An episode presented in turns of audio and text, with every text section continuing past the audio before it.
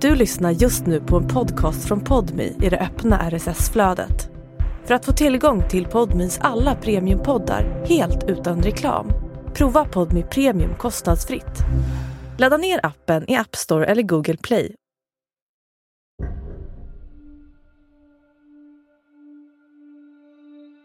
Della var jätteglad. Det var inte att hon träffade en kriminell kille så som median försöker få det att låta som. Utan Della träffade en vanlig kille. Sen såklart så kom ju saker fram men det var ingenting hon såg när hon träffade honom.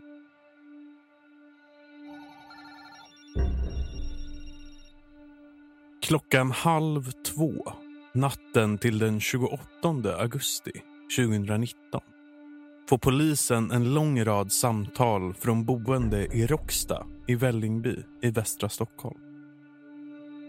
De har hört skottlossning från automatvapen, en rivstartande bil och en jämrande mansröst. En av dem som ringer är en ung kvinna som berättar att hennes kompis som bor i Råcksta just har blivit beskjuten under deras pågående Facetime-samtal. Efter det ringer en man som berättar att hans fru är svårt skottskadad.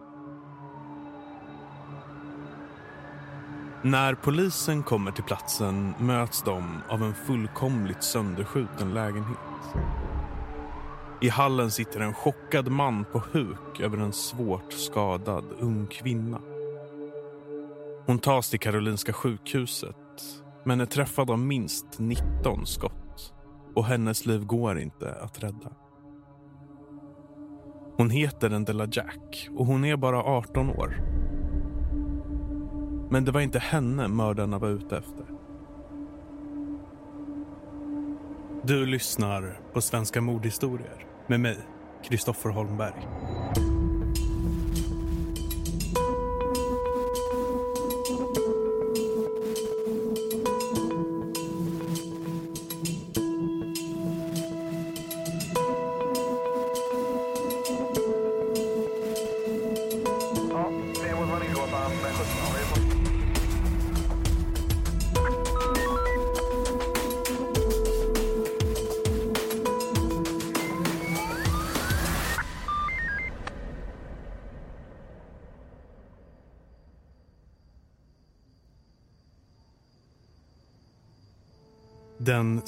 16 augusti 2019. Gambia. 18-åriga Endella Jack står i vit bröllopsklänning. Runt halsen har hon ett stort pärlhalsband med tindrande vita pärlor. Och på huvudet har hon ett skimrande diadem. Det är skymning och den gambianska luften är varm. Hon håller om armen på sin nyblivna man Malik. Han har på sig vit skjorta och en svart kavaj. De är här med sina familjer och inresta vänner. Någon tar fram en kamera för att fota bröllopsparet. Bredvid paret står en av brudgummen Maliks två bästmän i en ljusblå dräkt. Det ska bli den lyckligaste dagen i de bådas liv. Men bara två veckor efter att kameralinsen fångar det leende brudparet på terrassen i Gambia kommer Endella vara bragd om livet.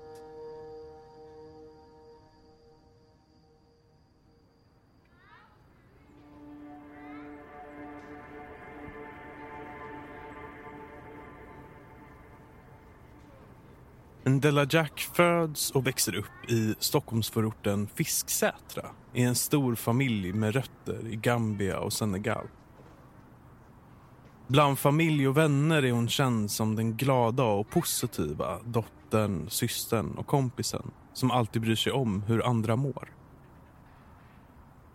Vännen Amina, som lär känna Ndella redan i spädbarnsåldern, berättar. Hon, alltså... Hon ville alltid se det positiva i alla. Hon var jätteödmjuk, snäll. Även ifall vi hade alltså ett tjafs eller en diskussion så gick det ju inte ens för att hon drog ett jättedåligt skämt och så kunde man inte vara arg på henne längre. För hennes leende fick en att glömma bort typ alla problem som fanns eller hade funnits. Och hon ville, alltså ifall jag var ledsen så och jag träffade henne så blev man ju glad direkt. Våren 2019 går Ndella andra året på gymnasiet. Hon läser samhällsvetenskaplig linje på en skola på Södermalm. Hon är engagerad i jämställdhetsfrågor och brinner för utsatta människor. Hon jobbar ideellt för Amnesty International och drömmer om att studera kriminologi. Hon vill bli polis för att kunna hjälpa ungdomar som har kommit snett i livet. Vännen Amina berättar igen. Så hon, ja, hon var en jätte, jätte, jättebra vän, syster, ja, allt möjligt.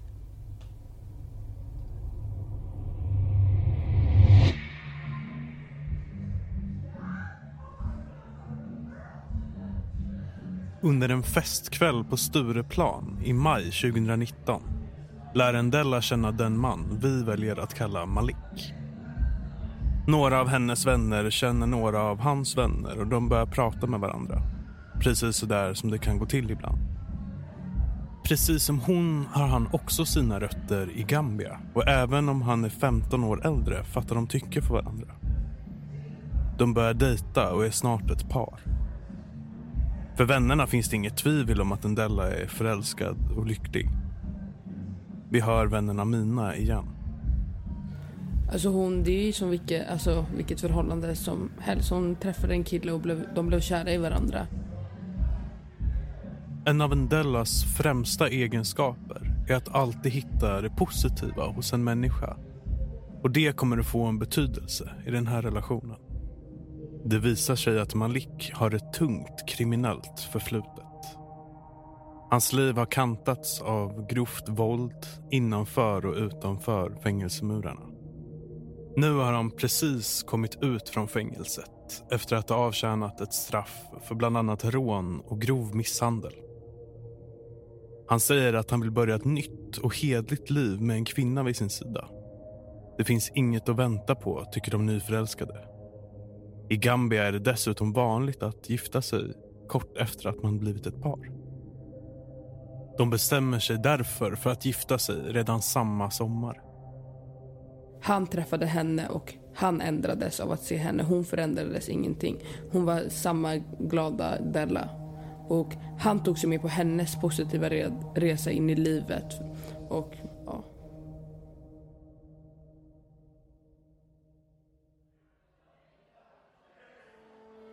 Den 16 augusti 2019. Tillbaka i Gambia. Bröllopet blir storslaget med deras släktingar i landet och ett fåtal inresta vänner och familjemedlemmar. Det är också nu bild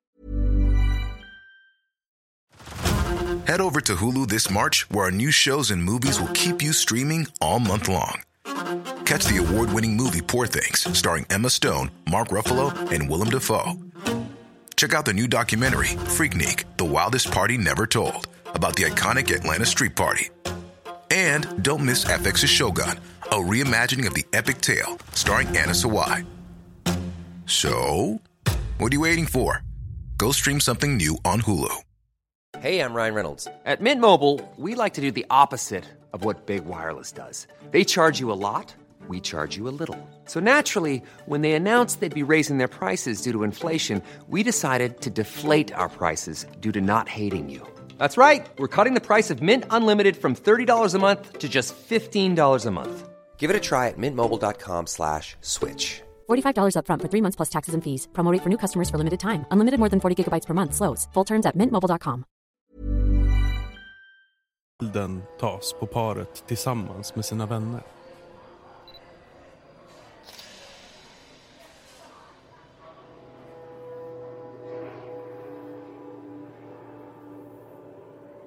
Efter en kortare bröllopsresa landar det nygifta paret i Sverige den 26 augusti 2019. När de kommer hem väntar nästa äventyr. Att dela ett hem tillsammans. De flyttar in i en lägenhet på Multrogatan i Råcksta. Det är den nygifta Malik som fått hyra den i tredje hand efter att han kom ut från fängelset. Området är hemtrevligt och deras lägenhet på nedre botten vetter mot en lummig innergård.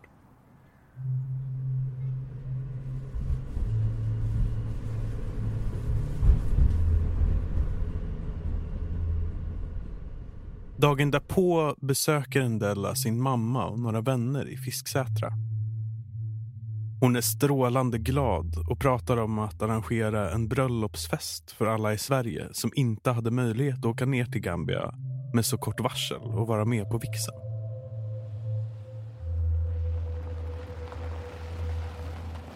På kvällen kommer hennes man Malik med en vän och hämtar henne och paret kör hem till Råcksta. Efter att ha ätit en sen middag och suttit och pratat och tittat på tv bestämmer de sig vid halv två på natten för att gå och lägga sig. Det är vardagskväll. Imorgon har Malik ett möte med frivården och Endella ska tillbaka till skolan för att börja sitt sista år på gymnasiet. Något hon verkligen ser fram emot. Medan Malik går in i badrummet för att tvätta ansiktet och borsta tänderna lägger sig Endella på sängen och facetimar med kompisen Amina som fyller år nästa dag. De håller precis på att planera hur de ska fira när det händer.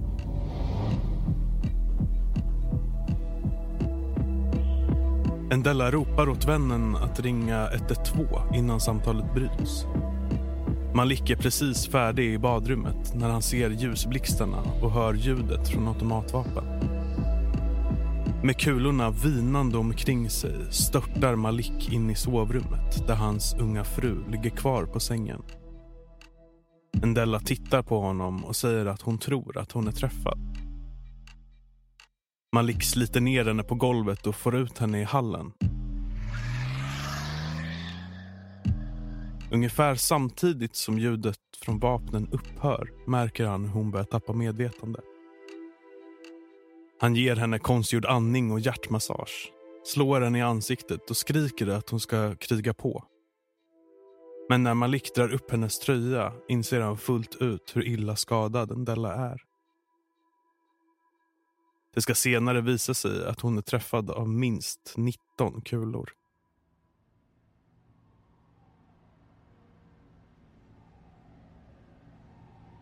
Endella tas till Karolinska sjukhuset i Solna. Men väl där står det snabbt klart att hennes liv inte går att rädda. Strax efter att hon har kommit dit dödförklaras hon. Och när hennes familj och vänner kommer måste läkarna ge dem det värsta tänkbara beskedet.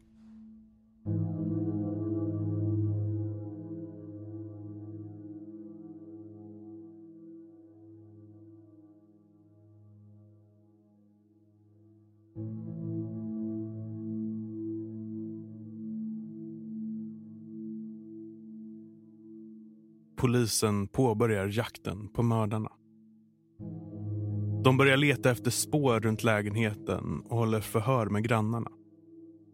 Det visar sig att två maskerade män har stått utanför lägenheten och skjutit in genom fönstret. Efteråt har de försvunnit i en mörk bil som en av grannarna har lyckats filma med sin mobilkamera. Det är något som kommer få stor betydelse för polisutredningen.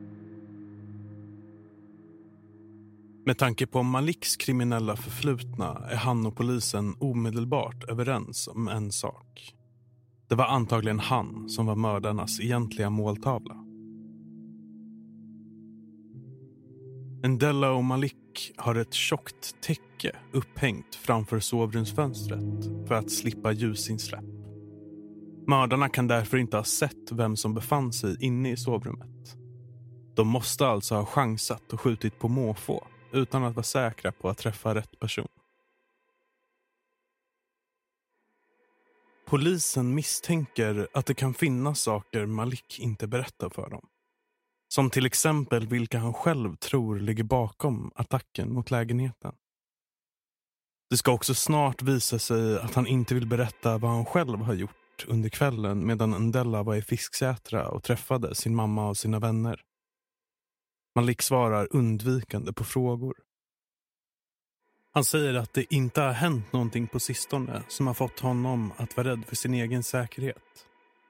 Det här måste vara något som ligger längre bak i tiden. Han har gjort sig ovän med många människor genom åren. Polisen inser snart att Malik på egen hand försöker få tag på de skyldiga. Han skriver till två av sina närmsta vänner som vi har valt att kalla Rico och Mohammed. De som bara två veckor tidigare stått bredvid honom i Gambia som hans best man på hans bröllop. Han ber dem att engagera sig i hämndaktionen. Malik vill få tag på mördarna innan polisen hinner gripa dem. Både för den sorg de har orsakat honom och för att han inte vill tappa ansiktet i den kriminella världen. Maliks två bestmän, Rico och Mohammed, delar hans kriminella förflutna men svarar undvikande när han ber om hjälp.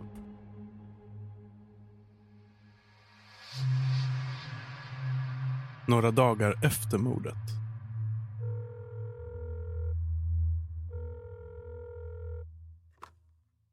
Av Malik och Ndellas grannar får polisen höra att Malik har setts på Mulltrågatan. De berättar att han har kommit för att själv söka vittnen till händelsen. Malik letar inte bara efter nya vittnen. Han gör också ett försök att konfrontera en kvinna han hade ett förhållande med en kort tid innan han träffade Ndella. Han anklagar henne för att ha röjt hans adress för ett kriminellt gäng från stadsdelen Dalen som han tror är ute efter honom. Kvinnan umgås med några i Dalengänget och hon har under våren haft en konflikt med Ndella där de skrivit arga sms till varandra.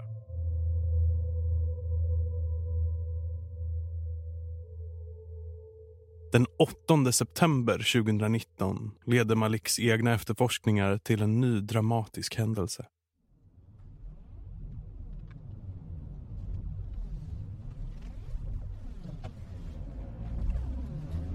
Det är söndag kväll och många sitter hemma och kollar på landskampen i fotboll mellan Sverige och Portugal som sänds i tv.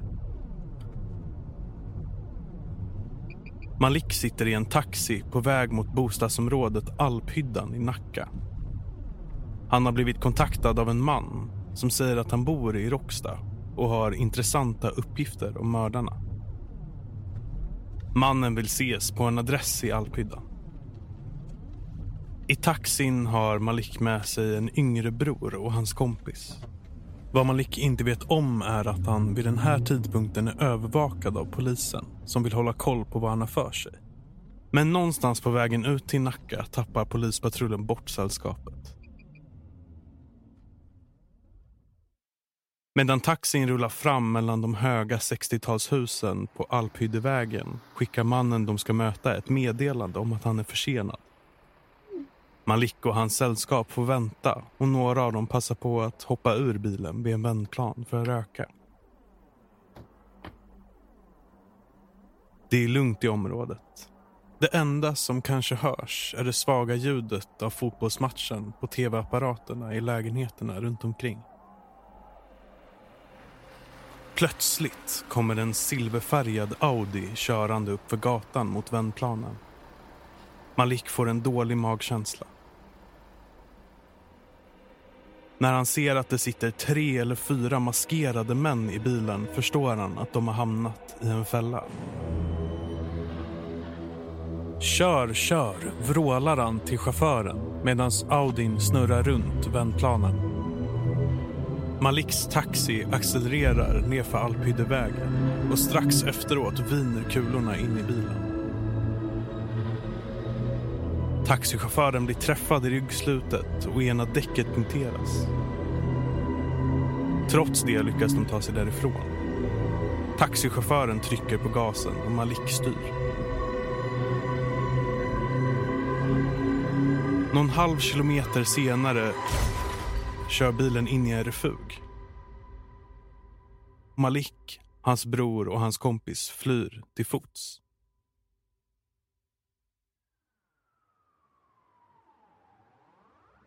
När polisen kommer fram till Alphyddan är det kaos på platsen.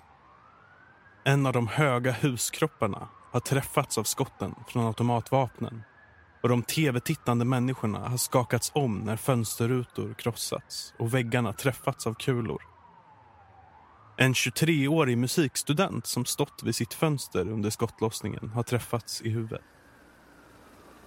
Musikstudenten flygs med helikopter till Karolinska sjukhuset. Han överlever men förlorar sitt ena öga.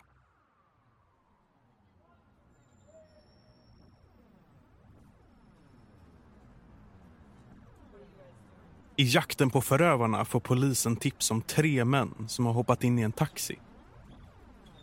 En polisman som precis har hört det här på polisradion får syn på en taxibil. Han bestämmer sig för att stoppa och kontrollera den. I bilen sitter Malik, hans bror och kompisen. Polisen tror först att det är gärningsmännen de har fått tag på. Men när de inser att det är målen för attacken de har hittat och förstår vem Malik är börjar de misstänka att händelsen hänger ihop med mordet i Råcksta. Efter skjutningen skaffar Malik ett vapen för att kunna försvara sig. Men det kommer inte bli några fler attacker på honom. Det enda det leder till är att han grips och häktas misstänkt för grovt vapenbrott en månad efter mordförsöket i Alphyddan.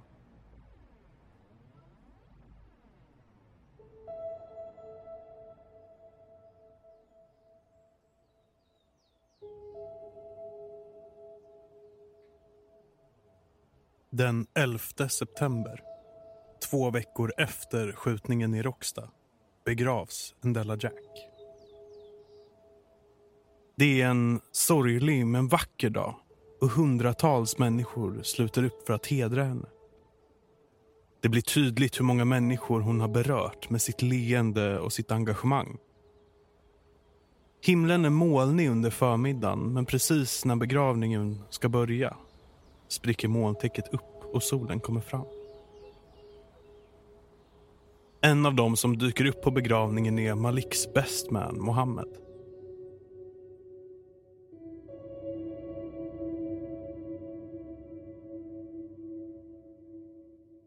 Efter biljakten i Alphyddan har polisen fått upp nya uppslag i utredningen av mordet på Ndella. Ett värdefullt tips har kommit in. Och Det leder till att polisen åker till Svindersvik nära platsen för biljakten i Alphyddan. Där hittas vapen, ammunition och kläder som används i samband med biljakten. Samtidigt har man kommit en bra bit i kartläggningen av kretsarna kring Ndellas man Malik. En lång rad av hans vänner, deras flickvänner och en och annan fiende har kallats till förhör. De flesta visar sig vara allt annat än samarbetsvilliga. De svarar att de inte minns eller att de inte vill berätta och att de inte har några kommentarer. Istället får polisen skaffa fram sin information med andra metoder. De använder telefonavlyssning och går igenom sms och chattkonversationer mellan personerna i Maliks vänskapskrets. Malik visar sig ingå i ett kriminellt gäng. Gruppen består av unga män som alla är uppvuxna i Brandbergen söder om Stockholm. Där också hans två bästmän Rico och Mohammed är med. Gruppen har varit på väg att splittras sen Malik blev frisläppt ur fängelset i april. Det vill säga en månad innan kvällen på Stureplan när Malik och Endella träffades. Spänningarna inom det kriminella gänget har sedan dess blivit värre och särskilt efter Malik och Ndellas bröllop i Gambia. I samband med festligheterna ska Malik ha blivit mer och mer otrevlig mot sina två bästmän, Rico och Mohammed. Brudgummen ska till och med ha misshandlat Rico fysiskt vid ett par tillfällen. Maliks två bästmän lämnade Gambia i förväg. Något som ledde till en konflikt om en hotellräkning. Vidare har brudgummen Malik anklagat sin bestman Mohammed för att ha stulit en väska med vapen och en större summa pengar ifrån honom. Med hjälp av chattkonversationerna och en övervakningsfilm kan gruppen även bindas till ett annat fall. Ett bråk på Södermalm den 27 augusti 2019. Det var kvällen som blev till natten då Ndella mördades. Kvällen när polisen inte visste vart Malik befann sig.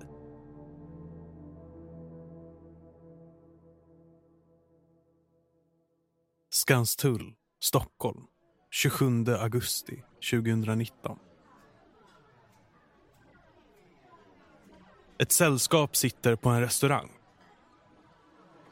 Plötsligt börjar de bråka med varandra. Tumult uppstår och en man lämnar springande restaurangen. Kort därefter följer två män som jagar honom. Vittnen berättar att en av männen hade en pistol i handen. Polisen kan nu, tack vare övervakningsfilmer och vittnesuppgifter dra slutsatsen att mannen som flydde inte var någon annan än Malik. Och att mannen som uppgavs ha jagat honom med pistol var hans bestman Mohammed. Bara fem timmar senare beskjuts Endella och lägenheten på Multrogatan i Råcksta. Något som polis och åklagare nu misstänker är allt annat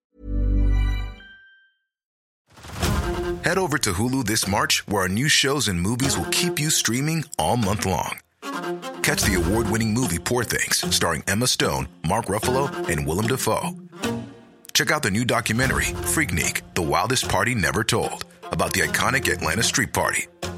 And don't miss FX's Shogun, a reimagining of the epic tale, starring Anna Sawai. So, what are you waiting for? Go stream something new on Hulu. än en slump. Polisen tror sig nu kunna koppla ihop Maliks bestman Rico Mohammed med mordet i Råcksta.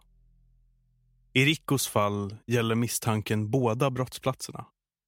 Hans DNA har hittats i en handske som låg tillsammans med en hög patroner i närheten av lägenheten i Råcksta.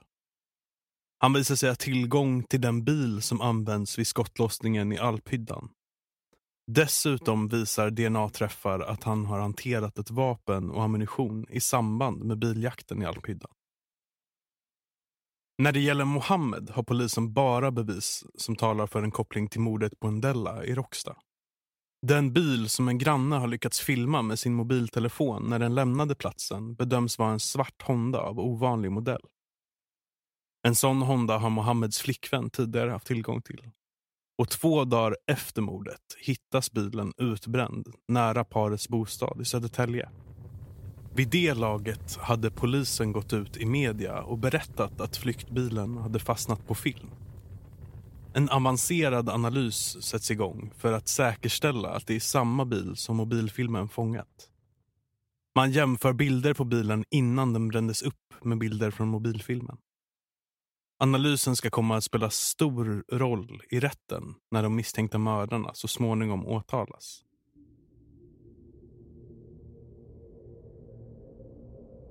I mitten av november grips Maliks bästmän Rico och Mohammed. I förhör vill de tona ner det bråk som har funnits inom gänget. De berättar att Malik visserligen har visat sina sämsta sidor under resan till Gambia men de säger att de har tröttnat på både honom och det kriminella livet.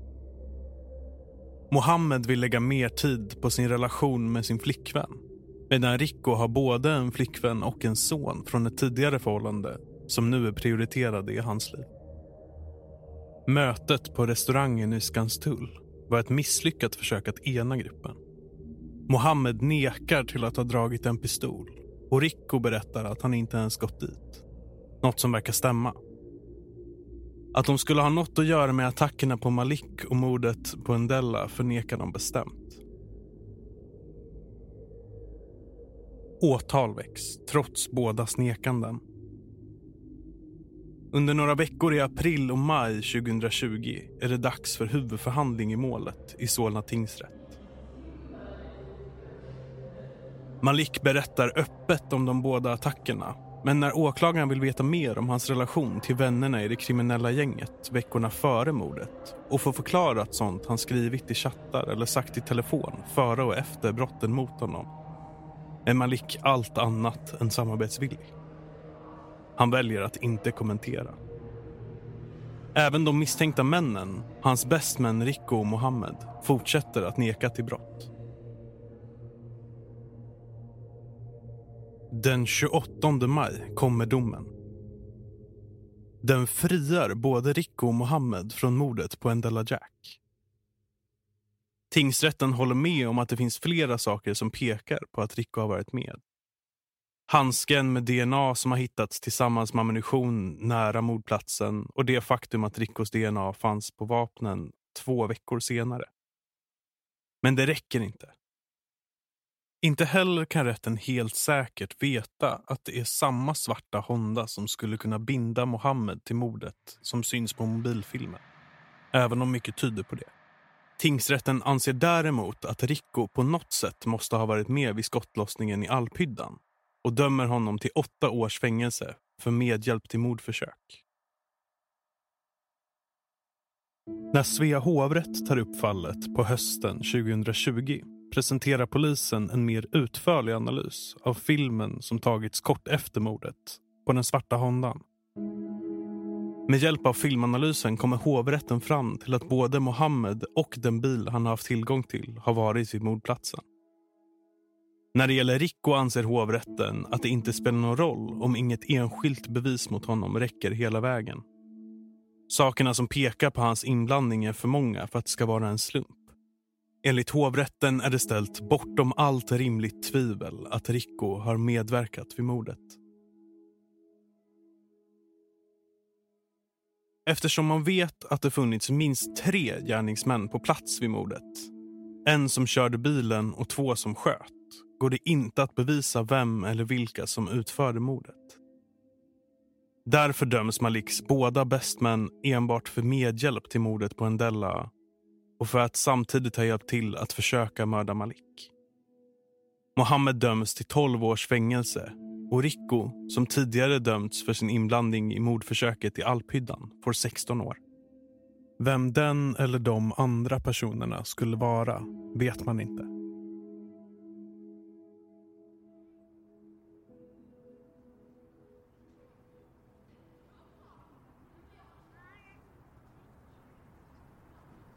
En augustikväll, ett år efter mordet, finns inget på Mulltrågatan som påminner om den fruktansvärda händelsen. Det hörs skratt från balkongerna och på den innergård där två maskerade män en gång avslutade en Della Jacks liv och alla hennes framtidsdrömmar leker barn mellan utemöbler och planterade solrosor. För en Dellas familj och vänner ute i Fisksätra känns det viktigast att hon blir ihågkommen för den engagerade och glada människa hon var. De vill inte att folk ska minnas henne som en viljelös tjej som gifte sig med en kriminell man. En sak har de klar för sig. Det var hon som försökte dra in honom i sin värld och inte tvärtom.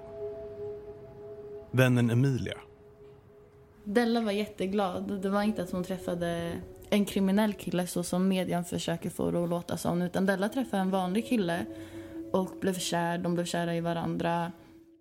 Sen såklart så kom ju saker fram men det var ingenting hon såg när hon träffade honom. Det var ingenting som var en del av deras liv tillsammans.